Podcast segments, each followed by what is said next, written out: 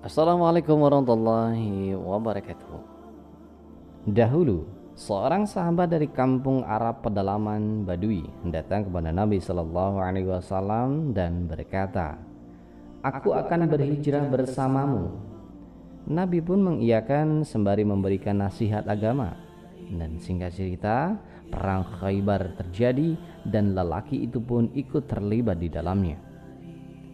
Seperti biasa, selesai perang, Nabi Shallallahu Alaihi Wasallam membagikan ghanimah kepada semua sahabat yang ikut. Akan tetapi, ketika pembagian sampai kepada lelaki tadi, tiba-tiba dia menolaknya sembari berkata, "Apa ini?" Para sahabat menjawab, "Ini adalah bagian ghanimah untukmu dari Nabi Shallallahu Alaihi Wasallam." Lelaki itu pun terpaksa mengambil bagian ghanimah itu, tetapi kemudian dia menghadap Nabi Shallallahu Alaihi Wasallam.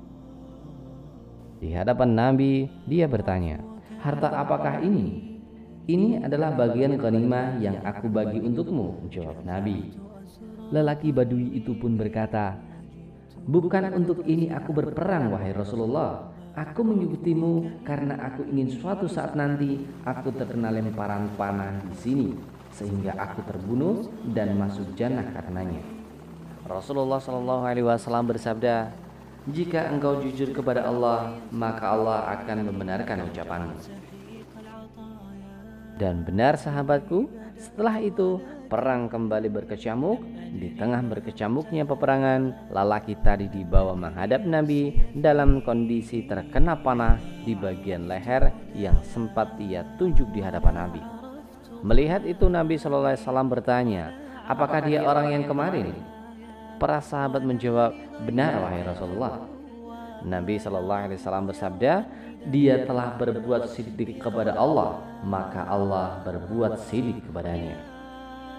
Maka selanjutnya Nabi mengkafani dan mendoakannya dan di antara doa beliau adalah, "Ya Allah, ini adalah hambamu. Dia keluar untuk berhijrah di jalanmu dan terbunuh sebagai syahid."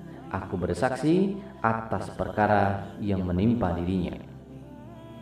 Sahabatku, jujurlah kepada Allah, maka Allah akan jujur kepada. Wassalamualaikum warahmatullahi wabarakatuh.